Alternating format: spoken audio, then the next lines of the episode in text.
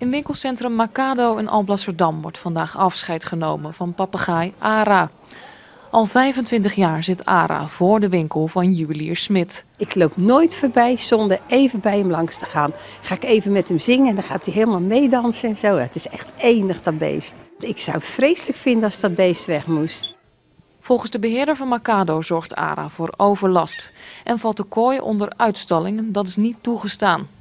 Een langslepende rechtszaak volgde, met nu dus als uitkomst. ARA moet binnen drie dagen weg zijn. Ik snap niet waarvoor die weg moet. Mijn zoontjes zijn er eigenlijk helemaal eh, weg van. Het is een, uh, een, een aanwinst voor het Macado-centrum. Nou, ik vind het heel jammer. Want het geeft toch een, een bepaalde binding met, die, met deze papegaai. En er is altijd veel belangstelling voor. De eigenaar van de papegaai, juwelier Smit, is teleurgesteld door het besluit van de rechter. Hij is met zijn advocaat in overleg. Tot die tijd wil hij niet reageren.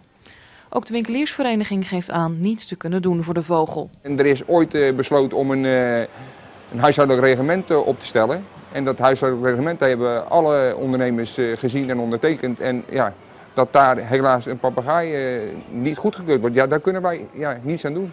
Wie ARA nog met eigen ogen wil zien, moet dus snel zijn. Vanaf zaterdag wordt de juwelier dagelijks een boete opgelegd als de papegaai er nog staat.